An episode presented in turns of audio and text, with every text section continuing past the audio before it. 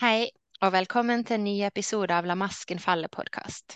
Mitt navn er Mai Camilla Munchio, og gjest i dag det er du, Heidi Førland. Velkommen. Tusen takk. Jeg gleda meg sånn til å ha deg som gjest, Heidi. Og du skal få lov å presentere deg sjøl snart, men jeg har lyst til å si sånn innledningsvis at jeg ser på deg som en feminin healer. Der du hittil først og fremst har jobba som kunstmaler. Du maler utrolig fine malerier som eh, du bl.a. viser frem på Instagram. Eh, vi skal ha, du kan si kanskje adressen din med det samme. At Eh, Art Gallery by Heidi. Art Gallery by Heidi. Og vi skal legge den i episodebeskrivelsen. Men utrolig fine bilder, der jeg vet at du bl.a. har som intensjon at de som ser på bildene, skal på en måte kjenne en sånn endring i la oss kalle det energi eller humør. At du på en måte kjenner, Man kan kjenne at maleriene dine gjør noe med vår indre tilstand. Og det kjenner jeg sjøl når jeg ser på bilder av bildene dine. At liksom de snakker på en måte til hjertet, eller snakker til sjelen, eller de formidler en stemning eller en følelse eller en energi. Så det syns jeg er utrolig spennende. Og så vet jeg også at du i økende grad jobber med fjernhealing nå. Blant annet eh, gjennom balansering av chakrasystemet til den som mottar healingen. Og det skal vi komme tilbake til, hvordan du gjør det. Men eh, vi skal også snakke om din reise mer generelt, eh, og når, når i livet ditt du kom i kontakt med det vi kan kalle den feminine healingkraften din. Så det gleder meg til å høre. Men først av alt, Heidi, vil du fortelle litt om deg sjøl og din bakgrunn, hvem du er, og litt sånn hvordan lever du nå? Hva er du opptatt av i dag?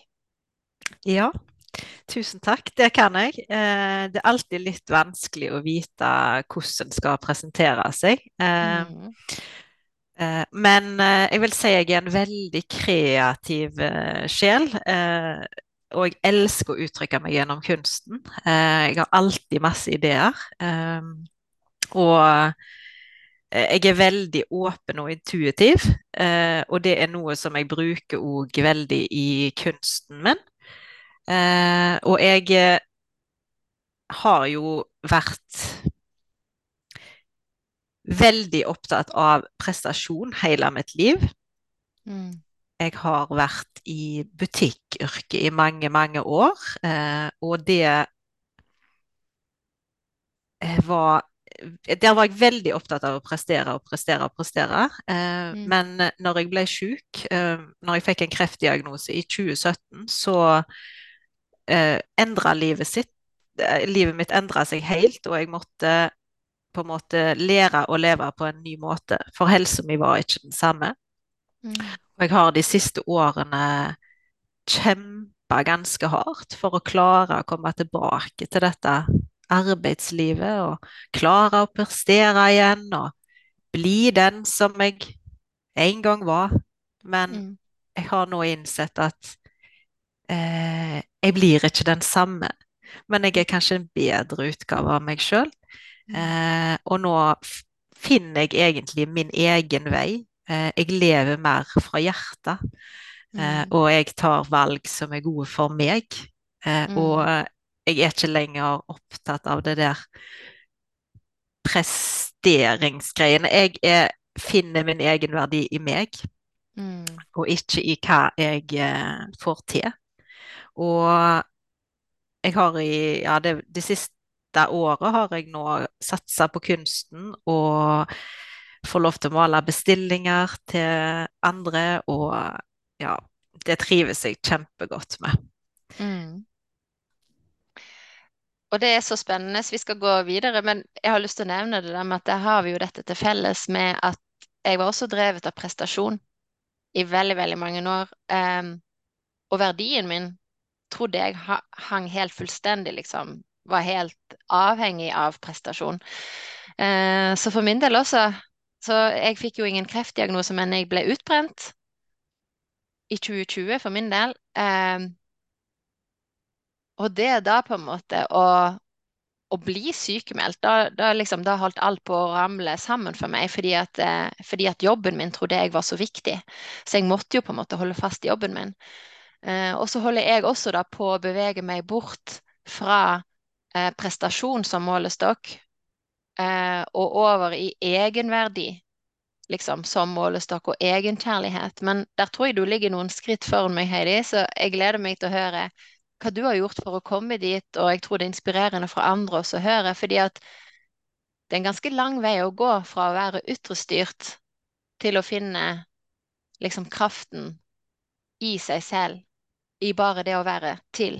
Og så betyr det ikke at vi ikke skal prestere. sant? Du maler kjempefine ting, og vi lager podkast nå i lag, og jeg skriver bøker, så det betyr jo ikke at vi ikke skal gjøre. Men det handler litt om hvor er det vi henter energien fra, og hvor er det vi på en måte måler, måler vår egen verdi.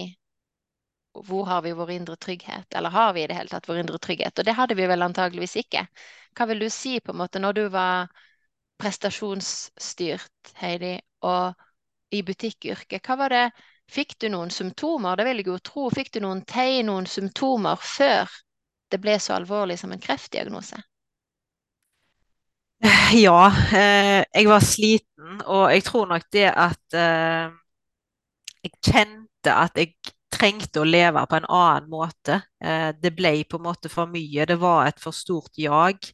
Eh, men jeg ville ikke lytte til kroppen. Jeg hørte ikke på den indre stemmen. Jeg eh, fortsatte bare å presse og presse. Men mm. ja, jeg var mye sliten, og eh, jeg hadde mye vondt i hodet. Eh, mm. Eh, og, eh, men jeg nekta å lytte, så jeg bare mm. pusha og pusha og pusha. Eh, mm. Så ja, helt klart at jeg kjente på at det var noe som ikke stemte. Eh, mm. Men jeg klarte ikke å lytte før jeg måtte. Mm. Før jeg ble tvungen til det. Mm. Og hvordan var det i starten, da? I starten så vi, altså, sant, hvor liksom Ofte får man jo da høre liksom, ja, det er en bestemt diagnose. Var du opptatt av prognose og medisinering? Altså, hva var din første reaksjon da du fikk kreftdiagnosen? Eh, min første reaksjon da var vel eh, ja, frykt. Jeg ble livredd. Mm. Eh, liv Veldig, veldig redd. Eh, og det føltes som om jeg mista all kontroll på mitt liv. Mm. Det livet som jeg hadde så god kontroll på, ble på en måte på ett sekund eh, vekke. Som om hele grunnen under føttene mine bare brast, og alt ble usikkert. Det var så mye usikkerhet og så mye redsel. Og det tok kjempelang tid før jeg klarte å finne tryggheten i meg sjøl. Um, mm.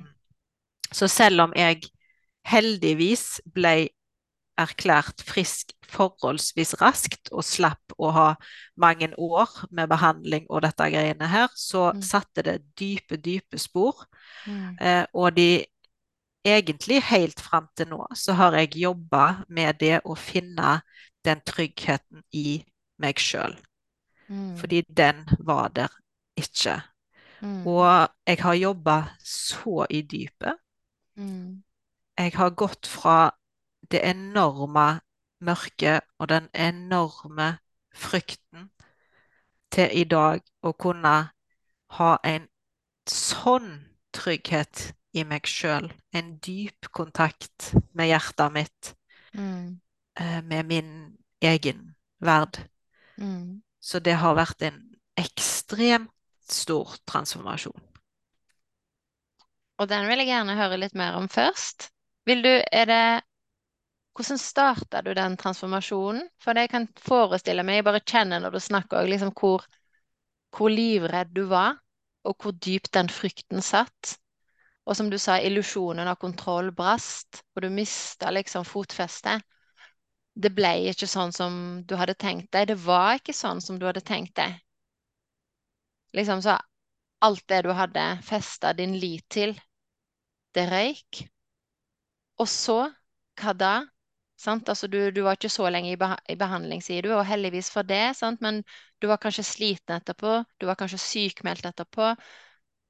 Hvordan gikk du fram for å finne den tryggheten som du etter hvert fant?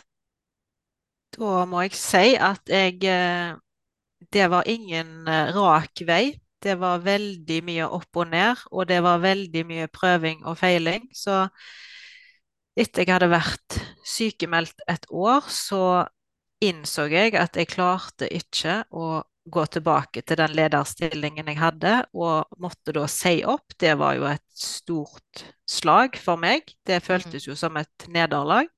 Mm. Og så, de neste årene, så hadde jeg veldig lyst å få det til, så jeg hoppet ut i tre forskjellige jobber eh, med godt mot, med tanken om at dette skal jeg klare. Mm. Eh, men jeg gikk på smell etter smell, og kroppen sa ifra gang etter gang. Mm. Og det endte med en ny sykemelding og enda en ny sykemelding. Og det å Jeg følte nesten jeg krøyp til legen min og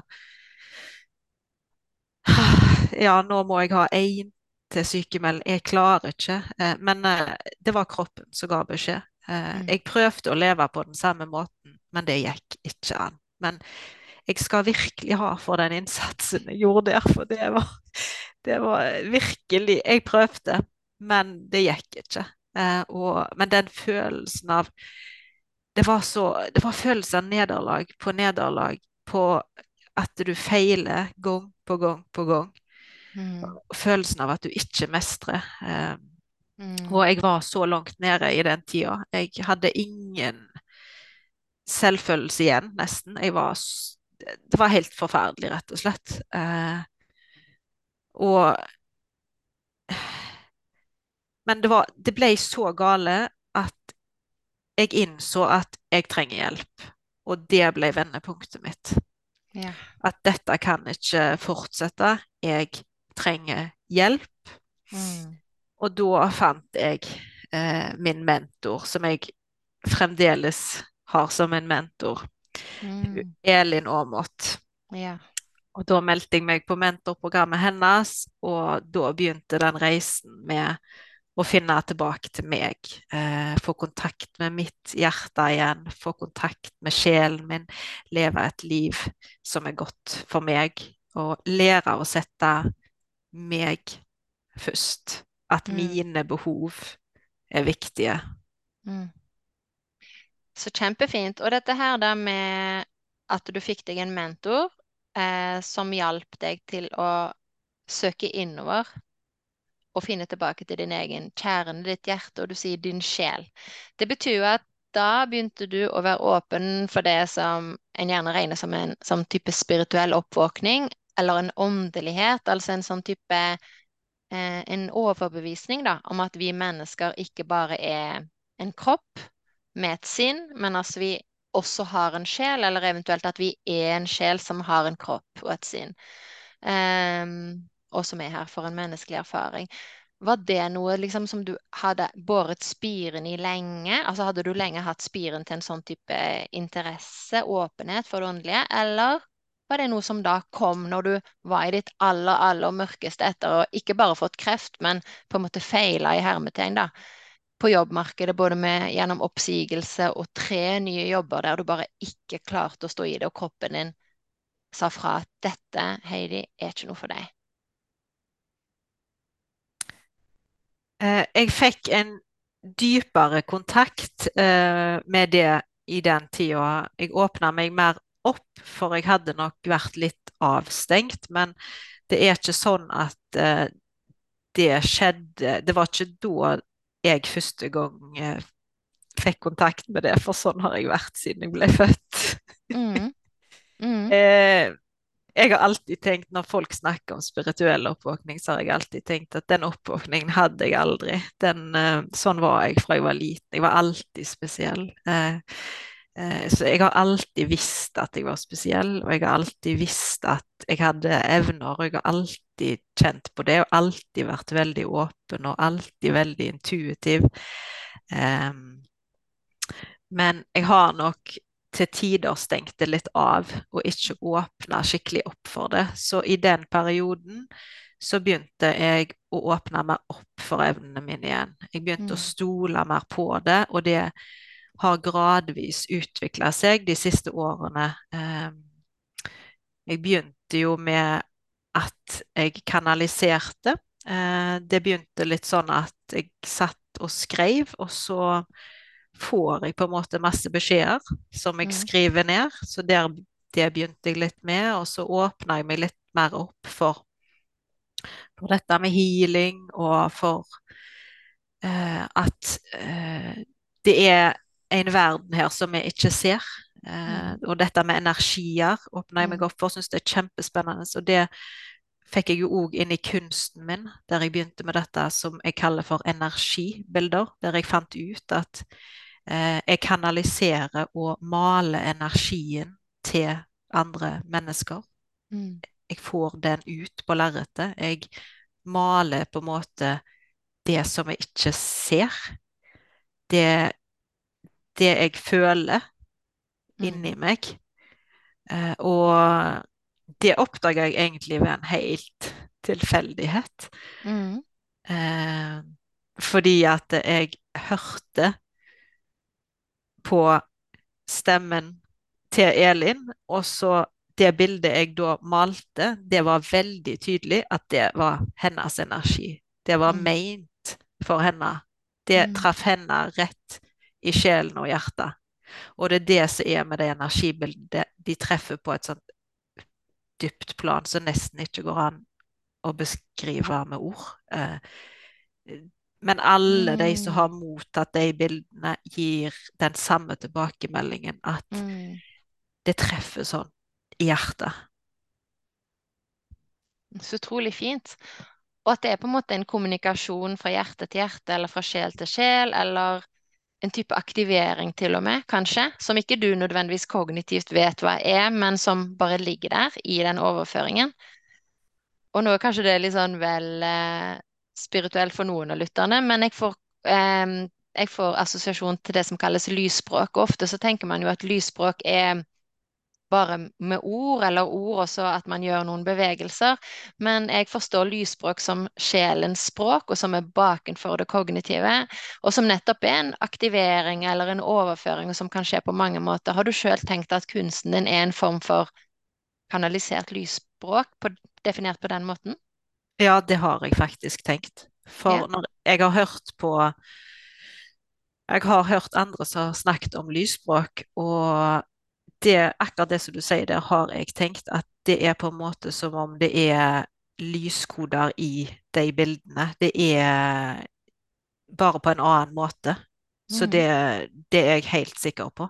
Men det er som om dette er sånn Det er så stort at jeg klarer ikke å sette ord på det. og Det har jeg opplevd veldig mange ganger med denne kunsten min, at det er andre som setter ord på Mm. hva dette er.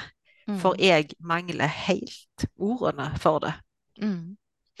Men eh, du, du maler i hvert fall, og du maler på bestilling. Og hva er det du da maler? Da er det, da er det mennesker som bestiller, på en måte bestiller din slags reading av det, da, pluss et maleri av en bestemt størrelse? Eller hvordan, hvordan foregår det, på en måte?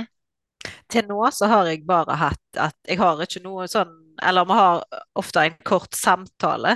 Mm. Eh, og så får jeg egentlig bare opp intuitivt eh, hva farger det er de skal ha. Og underveis i prosessen så kommer det bare til meg hva det er som skal være i bildet. Og òg tittelen på Mhm. bildet kommer til meg helt intuitivt. Mm. Eh, og den tittelen er jo ofte veldig Altså en kanalisert beskjed til mottaker som har en sånn dyp betydning. Mm. Veldig fint.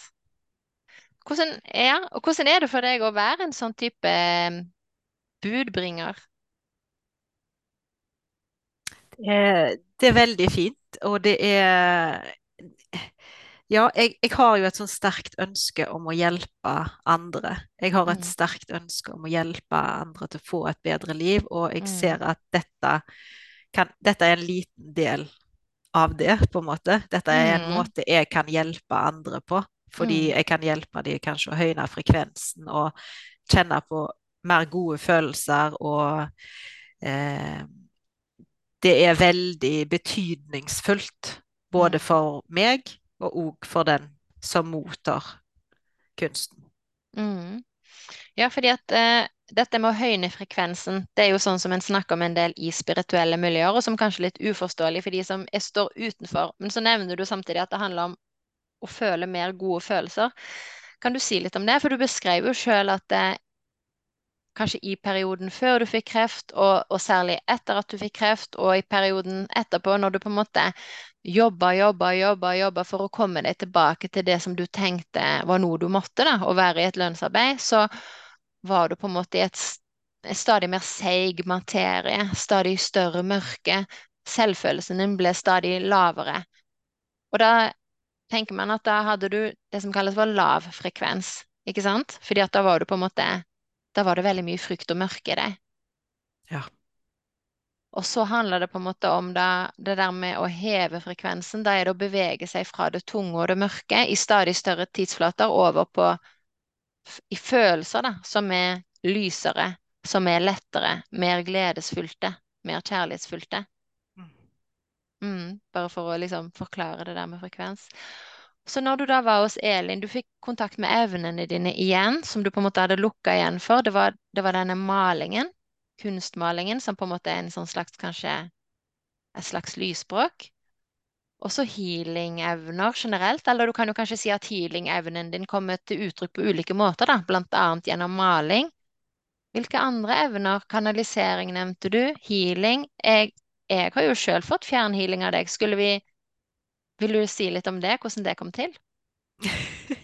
ja, eh, dette med fjernhealing eh, har jeg begynt med eh, Det er egentlig bare en måned siden. Mm. Det som satte det i gang, det var at jeg sjøl opplevde en veldig, veldig sterk healing av mitt hjerte. Og det åpna noe i meg som gjør at jeg har sett at jeg kan òg eh, heale hjertet til andre. Eh, det er en dyp healing. Det er, det er, som om at jeg ikke går rundt grøten, jeg går rett i kjernen. Ofte eh, vanskelige ting, kanskje ting som folk helst ikke har lyst til å se på, men eh, viktige ting som gjør at eh, de blir satt fri når de endelig klarer å få det til overflaten. Og det er det jeg eh, gjør i de healingene. Mm. Dette er helt nytt. Eh, og dette er ikke en tjeneste som jeg nå ennå tilbyr, så jeg har bare hatt noen få testkunder på dette. Mm. Eh, og jeg har lyst til å øve meg litt mer, men jeg ser jo på alle de jeg har gjort det på, at det skjer store ting. Mm, at det skjer en forløsning. Ja. Mm. Ja. Og det, det det som jeg syns var ekstra stilig, da. fordi at i vårt tilfelle så da hadde vi avtalt du skulle være gjest hos meg. Eh, men så på en måte så fikk du mer eller mindre hva du skal si da, en sånn impuls om at du skulle tilby meg fjernhealing. Og jeg takka ja til det. Og så, og så ble det sånn da, at når jeg fikk fjernhealing hos deg, så var jeg akkurat da i en sånn posisjon der jeg tok imot healing også fra en annen. Eh, som jeg har som sånn type spirituell mentor for tiden. Eh, sånn at jeg fikk healing fra dere to helt samtidig, og hjertehealing fra begge to helt samtidig, og det visste ikke du om. Eh, og det var veldig sterkt for meg, og det var ikke første gangen jeg fikk healing for den tematikken som jeg jobber med, men jeg tror det var ganske avgjørende at liksom, du kom inn da fra sidelinjen uten at jeg hadde kommet på det engang, og ikke bedt om det. Men nettopp fordi at eh, den tematikken jeg skulle jobbe med, var såpass la oss si, seig eller gjenstridig. da. Og Var ikke det litt rart? Eller hvordan var det for deg da, når, du, når jeg fortalte deg om den timingen? Jo, det var veldig spesielt. Og, yeah. men, men, for meg så er det jo veldig eh, godt å høre, på en måte, fordi at du bekrefter jo at ja, du bekrefter at det er noe i det jeg gjør. Og altså, jeg brukte bare intuisjonen min. Det er akkurat sånn som du sa. Jeg kjente intuitivt at, uh, at jeg hadde lyst til å sende deg fjernhealing, og, at det var akkurat på det tidspunktet. Det er nesten så jeg blir litt satt ut, men samtidig så er jeg ikke overraska, for eh, jeg er så intuitiv at eh, jeg bare vet og det er jo det som sikkert skjedde her, at jeg visste akkurat når jeg skulle sende den fjernhealingen til deg. Mm. Mm. Eh, jeg får klare, klare beskjeder. Mm. Eh, og det eh, For meg å få sånne tilbakemeldinger, det betyr veldig mye eh, akkurat nå, når jeg ja, jobber med å utvikle dette mer. Så det, det er kjempeviktig for meg å, å få høre. Mm. Mm. Og så lurer jeg på om jeg da skal si For jeg er jo da sånn som skriver også. Eh, og, og, i morgenmeditasjonen min dagen etterpå så ble jeg enda mer kognitivt bevisst på hva vi hadde jobba med dagen før. Sant? Altså, jeg hadde jo en fornemmelse, eh, men det blir tydeligere og tydeligere for meg. Og for meg, for at det skal bli tydelig, så må det komme ut i ord, helt sånn tydelige ord. Eh, så neste morgen, da, i meditasjonen, så, eh, så, jeg, eh, så visste jeg at det handla om det som jeg kaller for morssåret mitt. Eh, og jeg kan si det at bare sånn at det er sagt, at min mor, det var ikke noe spesielt galt med henne eller noen ting. sant? Altså Hun er en helt alminnelig mor eh, som gjorde det beste hun kunne. Men jeg hadde noen emosjonelle behov eh, som hun nok ikke var i stand til å imøtekomme. Det kan jeg si. Og, og Nettopp fordi at hun på mange måter er snill og god og hyggelig og blid og smilende og grei og søt osv., så, videre, så har det vært vanskelig for meg som voksen å få tak i hva er det som er så vanskelig for meg i relasjon til min mor. Og så har jeg jo blitt mer og mer bevisst på det, at det handler om at jeg følte at hun ikke beskytta meg mot, eh, mot en veldig streng og dominerende far og at jeg følte at hun ikke beskytta meg og fanga opp når jeg hadde det vanskelig på skolen, eller ikke fanga opp når jeg ble utsatt for mobbing, eller ikke fanga opp når jeg ble utsatt for overgrep. Og så Hvis jeg skulle ha to ord om det, da, så er det emosjonell bortvendthet. Og så vil jeg bare liksom respondere det. Så dagen etter, for å komme enda dypere inn på dette såret, da, morsåret, som jeg har jobba med i mange runder, så spurte jeg meg sjøl i meditasjon um, om innsikt i morsrollen. Og så kom disse ordene. Det viktigste for deg, Mai, når det gjelder dette med morsåret ditt, det er å være din egen mor.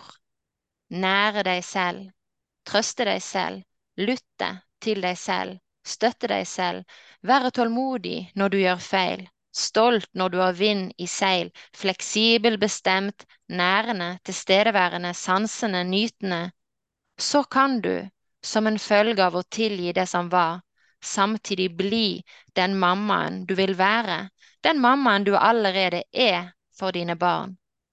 For det du gjør, gjør du fullt og helt, meg. Fortsett med det. Gjøren uten nærvær er forkledd fravær.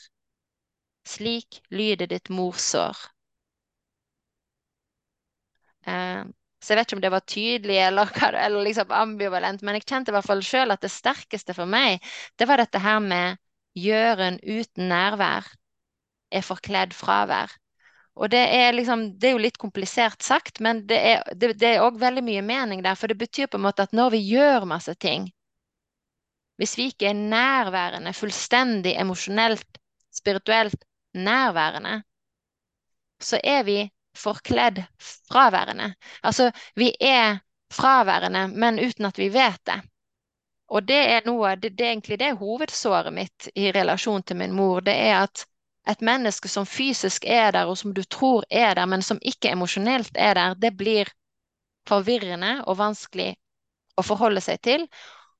Og det er den type morsår jeg tror veldig mange av oss har. Og det kan være vagt og ambivalent å få øye på, men det da å få øye på det, og vite på en måte at jeg for min del, for eksempel, da, jeg reagerte med å lukke hjertet og bli veldig, veldig forvirret og føle at jeg fortjener ikke kjærlighet. Jeg er åpenbart ikke verd å elske. Mine følelser betyr ingenting. Og så ble jeg veldig, veldig orientert mot å være hjelpsom og flink og dyktig og lydig og fleksibel og passe, tilpasse meg og please osv. Det ble mine mønstre. Og så har jeg jo jobba med de mønstrene, men for å virkelig jobbe med de i dybden, sånn som du sa, så skal vi gå tilbake til det, så er det viktig for meg da å jobbe med en av rotårsakene til at jeg utvikla dette in the first place. Og det var relasjonen til min mor, der jeg ikke følte meg verd å elske. Resonnerer det litt med deg, det du opplevde da du gjorde den healingen? Jeg kan frata deg fra eventuell Ja, taushetsplikt. ja, veldig. Eh, veldig. Og jeg får helt frysninger når du snakker nå. Og dette, vet, dette er det mange som kjenner seg igjen i. Eh, det der med, med det fraværet. Altså, de er til stede, men de er der ikke, på en måte. Og det Det skaper jo dype sår. eh, og, men jeg, sånn som du sier her, du må Hvis du skal heale dette, eh, så må du finne den rotårsaken. Du må se på det. Du må få det frem i lyset. Du må, du må rett og slett grave dypt. For det Mm, var det jeg kjente i den healingen, at det var dypt. Og hvis en ikke tør å se på det, og hvis en bare vil jobbe i overflaten, så blir det på en måte heller aldri da, tenker jeg, heala og fri fra det. mm, Da vil det være der. Da vil det sitte der. Da vil mm, det være i kroppen din. Mm, For jeg tror jo at alt blir jo lagra i kroppen vår. mm, Så før vi klarer oss å slippe det fri, så er det i kroppen vår. Da sitter det i kroppen vår. mm, Som smerte, som ubehag, som sykdom. mm, Jo mer vi tør å se på det vonde og vanskelige, jo mer fri vil vi bli. mm, Og det er det du gjør nå. Når du mm, tør å løfte dette opp, du tør å snakke om det, du, tør, du setter ord på det, så vil du frigjøre deg fra det. Da kan du heale det. mm, Og jeg tror en sånn healing setter i gang en prosess, mm, og så er det òg en prosess etterpå. Og den òg er veldig, veldig, veldig viktig. Det der med å integrere dette i kroppen og jobbe med det, og ikke bare mm, tenke at det var en healing som foregikk eh, på de minuttene. Jeg er fri fra det. Sånn fungerer det ikke, tror jeg. mm, Det er tida etterpå er så utrolig viktig. Så det som du gjør nå, det er så viktig healingarbeid, og jeg tror at det er veldig stor inspirasjon for andre. Fordi dette er dype sår som mange ikke har lyst til å se på. mm, Eh, som stopper mange, som stopper mange fra å leve et fullt og helt godt liv. Fordi når vi lever med et lukka hjerte, så er det begrensa òg hvor mye kjærlighet vi slipper inn. Det er begrensa hvor mye glede vi slipper inn.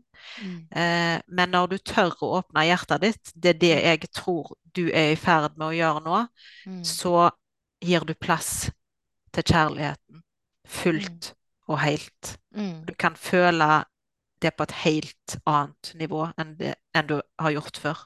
mm.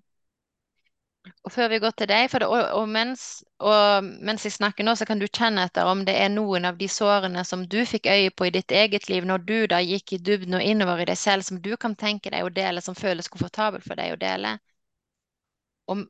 Og, ja, og mens du tenker på det, så um, ja, så tenkte jeg at jeg kunne si at eh,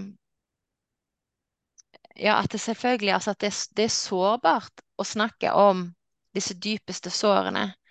Ehm, men at jeg tenker at det er viktig å gjøre det fordi at vi er så mange som har lignende sår. Det var det ene poenget.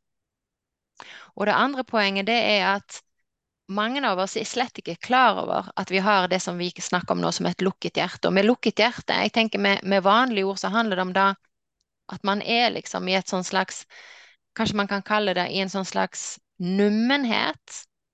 Eller eventuelt da i et sånn et ganske sånn smalt emosjonelt vindu der man ikke føler så veldig mye. Alt er greit, alt er fint, det er bra. Liksom.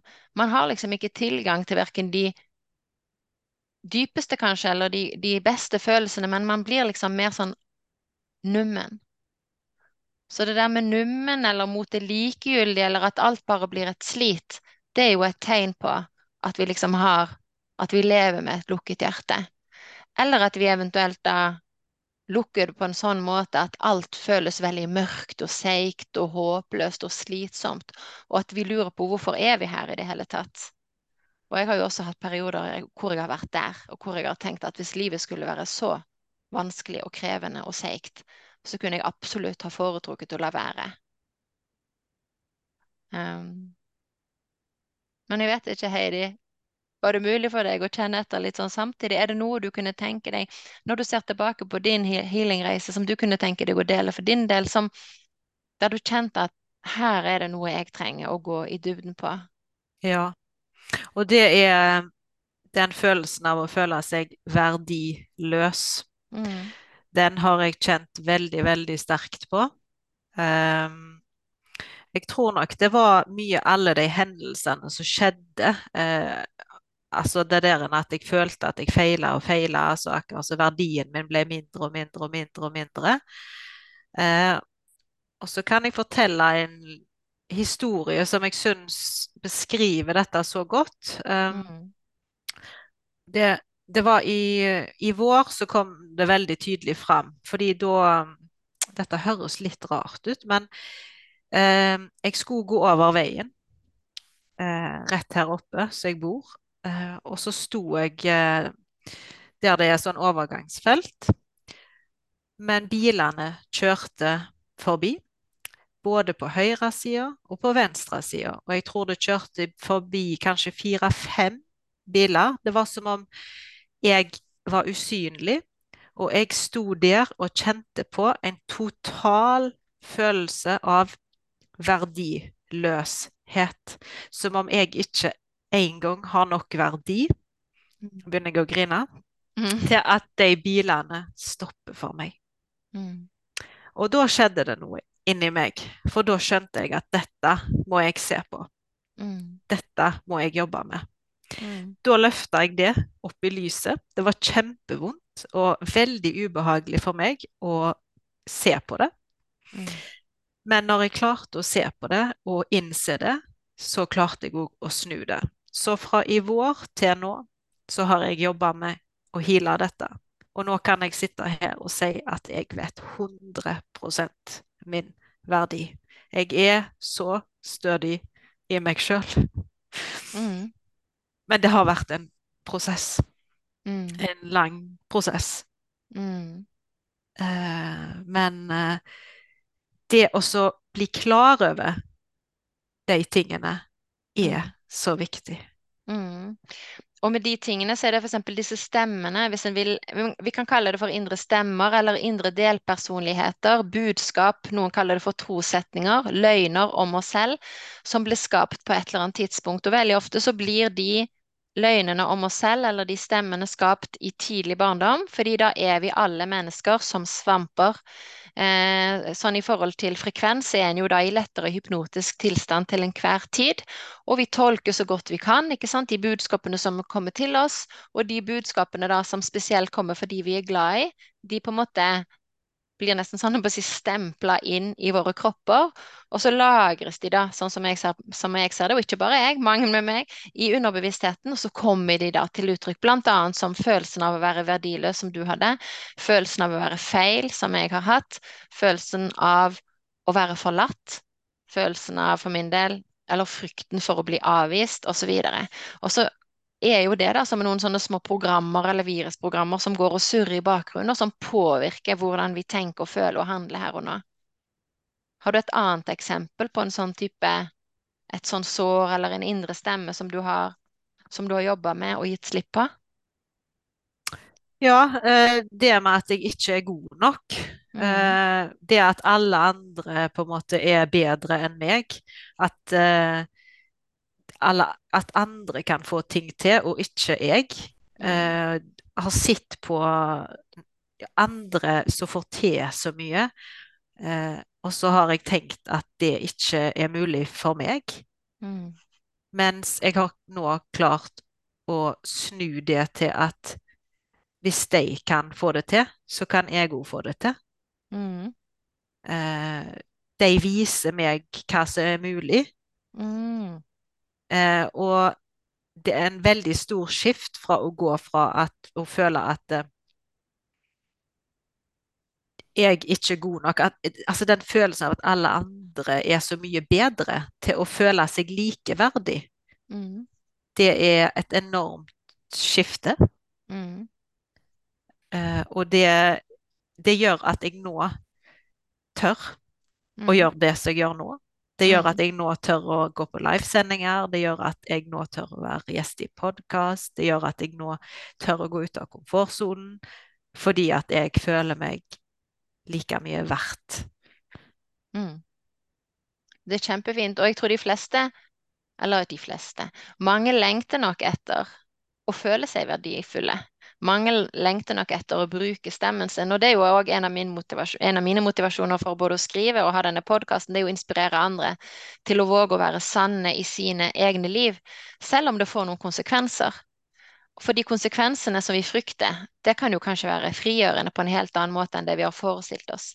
For vi kan jo bare forestille oss på en måte i stor grad så tenker vi jo bare de samme tankene vi har tenkt før. Vi tenker at ja, men det er helt nødvendig, og sånn må det være, og dette får jeg ikke til. Og så hvis en da våger å trosse det og prøver liksom å gå ut av komfortsonen, så ser en jo at oi, det gikk jo bra, og det gikk jo bra. Og så liksom så får man stadig nye erfaringer med at vi har mye større kanskje handlingsfelter og mye bredere kompetanse og mye flere talenter enn det vi egentlig var klar over. Ja, det er så sant. Mm, jeg, men jeg vet iallfall for min egen del så var det veldig viktig for meg før jeg skulle gå ut og gjøre det, at jeg følte meg trygg. mm, At jeg følte meg trygg i meg sjøl. mm, At jeg kjente på at det var trygt for meg å være meg. nettopp. Og kanskje vi tar at du forteller litt mer i dybden på det. Hva var det du da helt konkret gjorde? Fordi at i for min egen del så vet jeg jo da at da krever det egentlig å være litt bevisst på hvordan en endrer tanker og følelser og, og handlingsmønstre. Så hva har, vært dine rutiner for å liksom jobbe mot følelsen trygghet?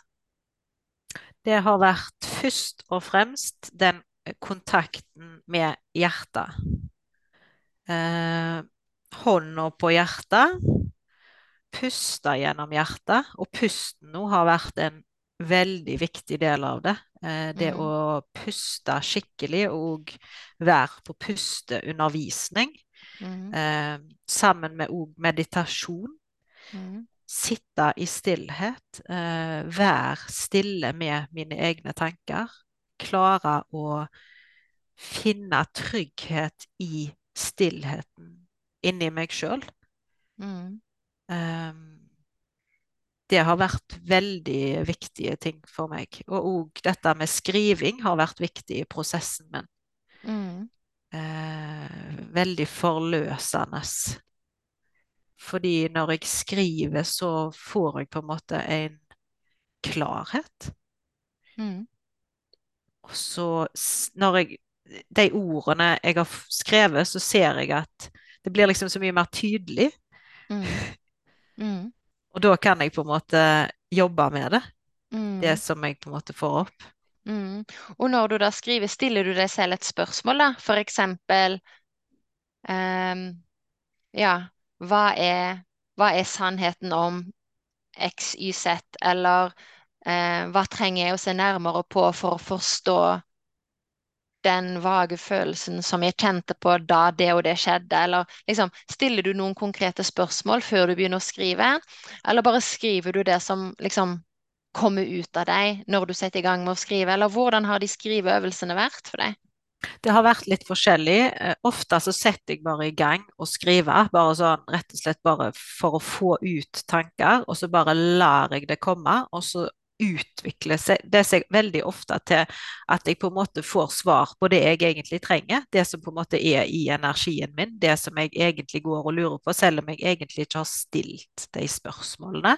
Mm, Mens andre ganger så stiller jeg konkrete spørsmål. Jeg kan skrive ned spørsmål, eksempel hva trenger jeg å vite i dag? Eh, hva er godt for meg i dag? Eh, hva vei er det så rett for meg å gå? Hva valg er det som er gode for meg? Sånne ting. mm, Og så stoler jeg på det, det jeg får. Jeg, jeg stoler på informasjonen som kommer til meg. Jeg stoler på svarene. mm, mm. Og det å stole på svarene, det har jeg lyst til å, å gå litt inn på, men bare nevne det der med sant, at du snakker om denne type terapeutisk skriving eller bevisstgjørende skriving, det å være stille, meditasjon, pusteundervisning, og det på en måte være bevisst på liksom, å ha sånne øvelser der man ser for seg at man puster inn og ut med hjertet, sånn at en liksom lar hjertet bli renset og lar hjertet ekspandere. Og så dette her med liksom å holde hånden på hjertet. Og når en holder hånden på hjertet, sånn som du nevner nå, så tenker jeg at da handler det om å komme tilbake til kroppen, være i kroppen, være til stede her og nå, istedenfor å spinne rundt i fortid eller fremtid. Er det det du òg tenker, liksom? At det er øvelse for å komme tilbake til øyeblikket? Ja. Mm. Til stede i seg sjøl. Til stede i seg Eh, selv. ja, og, og, og det stopper på en måte tenkespinn. Mm. når du klarer å puste gjennom hjertet. Altså at du går fra hodet ned i kroppen. Hvis du begynner å fokusere på kroppen, det trenger ikke være hjertet heller, men f.eks. det å holde ei hånd på magen, og du puster bevisst der, så flytter du automatisk fokuset fra hodet ditt til alt tankespinnet ned i kroppen, og der er roen. Da Mm. vil du merke etter hvert at tankespinnet slutter, og du finner den stillheten inni deg Mm. sjøl. Mm. Kjempefint tips. Og det der med å stole på seg selv, da, har du, har du erfaring med at eh, liksom du får det er på en måte intuitive beskjeder da, som tar deg først i én retning, og så stopper det opp, og så må du i en annen retning. For det nevnte du jo litt, liksom at veien var ikke nødvendigvis helt sånn linær og rett fra A til B. Ja, det der er en veldig Det er en ongoing process og stole på det, men eh, det er noe med å slippe den kontrollen og så bare la seg flyte med. Altså den derre tilliten til at det løser seg, og velge tilliten istedenfor kontrollen. Mm. Eh, klare å Og selv om en ikke vet hele veien, så ja, gå de, de skrittene som en får beskjed om, eller det som føles rett. Og så Mm. blir veien på en måte til mens en går, og det er OK at du ikke vet alt. Istedenfor før så ville jeg veldig gjerne kontrollere alt. Jeg ville ha 100% liksom, kontroll på hvordan alt skulle være, eh, mens nå klarer jeg mye mer å velge den tillit-delen til at det løser seg. Det løser seg til det beste for meg. Jeg trenger ikke å vite hvordan alt kommer til å skje, men eh, det er OK. Og det er Mm. så mye lettere, det er så mye mer glede når du klarer å leve litt mer fra den tilliten Mm. enn når du lever i den der kontroll- og fryktdelen. Mm. For da blir alt tyngre. Mm. Eh, jeg pleier å si at det er som om når du lever sånn, så er det som om du da svømmer oppover elva. Du svømmer mot strømmen. Du kommer deg kanskje litt opp, men Mm. så kommer du til å bli tatt nedover den elva med strømmen, fordi du svømmer motstrøms. Mm. Mens hvis du lever i mer tillit, Mm. så flyter du med elva, Mm. og det føles lettere. Og du Mm. vet ikke helt hvor du kommer, men det er OK. Mm. Og så kommer du deg videre. Mm.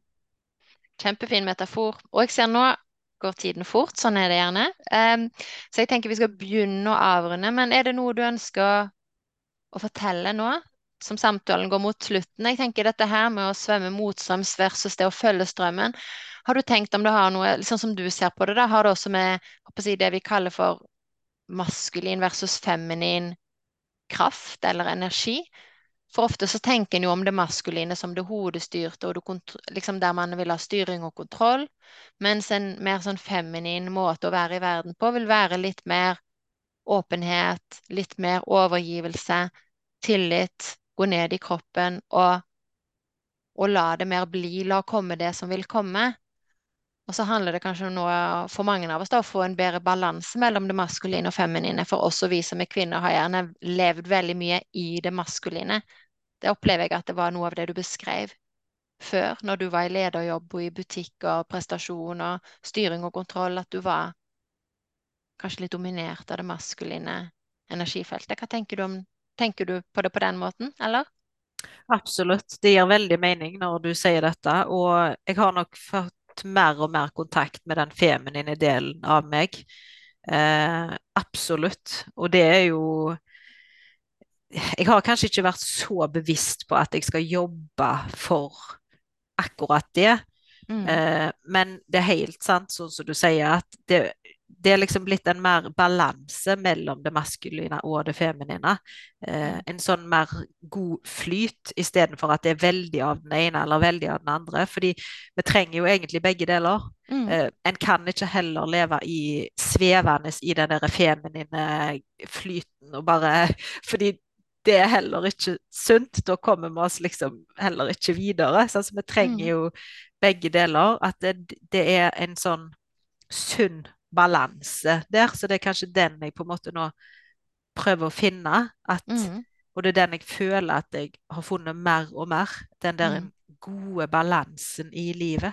Mm. Balansen mellom det å jobbe, balansen mellom å hvile, balansen mellom familieliv og ta vare på seg sjøl. Altså, Mm. jeg kjenner på en god balanse der, rett og slett. Mm. Som eh, Jeg tror det er veldig lett å komme ut av den balansen hvis en lever veldig mye i det maskuline eller veldig mye i det feminine.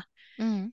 Og spesielt med kvinner, tror jeg, sånn som du sa, at mange lever altfor mye i det maskuline, og det Vi, vi trenger òg virkelig den feminine delen.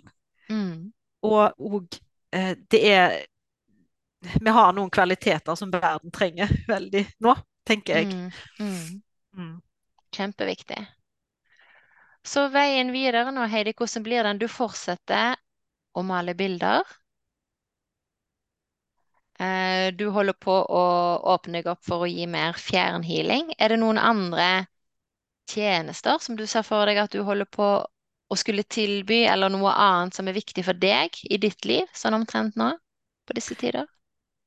Tol jeg vet ikke, jeg vet egentlig ikke helt hvordan veien kommer til å se ut. Um, men jeg har veldig tillit til at det kommer til å ordne seg. Uh, jeg vet jeg har lyst til å holde på videre med kunsten, det vil alltid være en del av meg. Um, Mm. jeg har lyst til å utvikle mer dette med healing, og jeg har lyst til å kunne tilby én-til-én eh, veiledning og healing.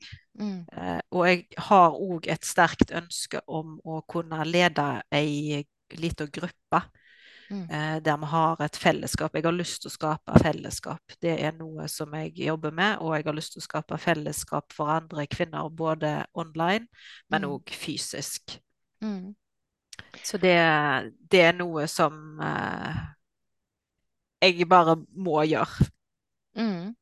Og det, det vil du gjøre, og jeg tror det er kjempeviktig. Jeg tror stadig flere savner kvinnefellesskap og søsterskap og det på en måte å komme sammen og finne tilbake til seg sjøl og, og si rekalibrere livet sitt litt og definere litt ja, men hvem er jeg, og hvor er jeg på vei, og hva, er, hva er viktig for meg. Og da kan jeg avslutte med å si, eh, for de som følger meg på Instagram, så de at, så så de det at eh, jeg var et, jeg var på en retreat i Spania i slutten av november. Og på den retreaten så vil jeg si at det viktigste som skjedde for meg, det var at plutselig så kom ordet fløyelsmyk kjærlighet. Og så kjente jeg at det skjedde et skifte i meg, og så kjente jeg at jeg skal ikke lenger streve. Jeg skal ikke lenger tyne meg. Jeg skal ikke lenger jobbe så hardt. Jeg skal tillate fløyelsmyk kjærlighet å komme til meg.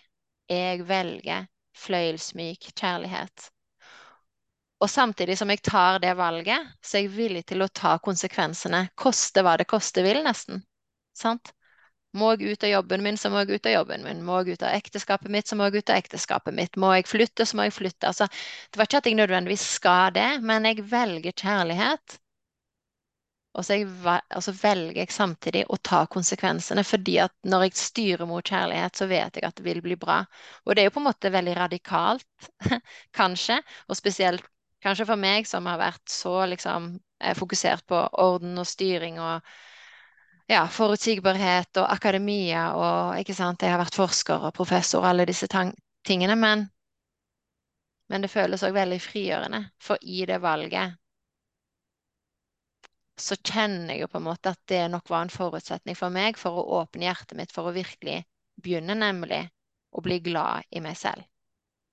For det har sittet enormt dypt.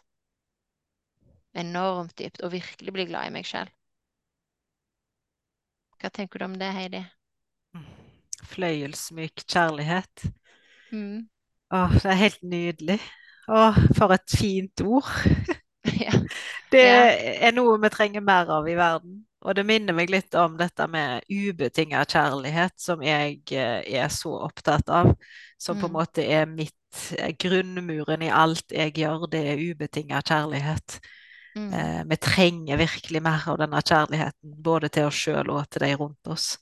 Og Mm. verden trenger òg at vi klarer å finne den ubetinga kjærligheten, den fløyelsmyke kjærligheten til oss Mm. sjøl. Mm. Mm. Veldig fint. Ja, og fint til deg også. Og til alle de som da lytter, og som tenker at eh, de vil gjerne vite mer om deg, og kanskje se noen av bildene dine, og kanskje bestille. Em, da kan du kanskje gjenta hvor de finner deg på Instagram, og så skal jeg legge kontaktinformasjon i episodebeskrivelsen. Ja, da finner de meg på Art Gallery by Heidi inne på Instagram. Eh, der er jeg ganske aktiv og legger ut eh, ofte. Så har jeg òg ei Facebook-side som heter det samme, men der er jeg ikke like aktiv. Men det går an å kontakte meg der òg. Mm. Veldig bra. Har du noe du har lyst til å si helt til slutt, Heidi? Tør å bruke stemmen din. Eh, det er det jeg nå øver meg på. Eh, og jeg har venta lenge på at jeg skulle tørre å bruke stemmen min. Det har vært en vei å gå, men jeg er så glad for at jeg kan gjøre det nå, fordi jeg tror det er så viktig at flere og flere tør å bruke stemmen. Fordi jeg vet iallfall at når andre har tort å bruke sin stemme, så har det hjulpet meg så mye. Det har vært en veldig viktig del av min healingreise. Så um, tør å bruke stemmen din. Tusen takk for det. Det var en kjempefin avslutning. Og med det så vil jeg takke deg for samtalen. Og til lytterne så vil jeg si på gjenhør. Ha det bra.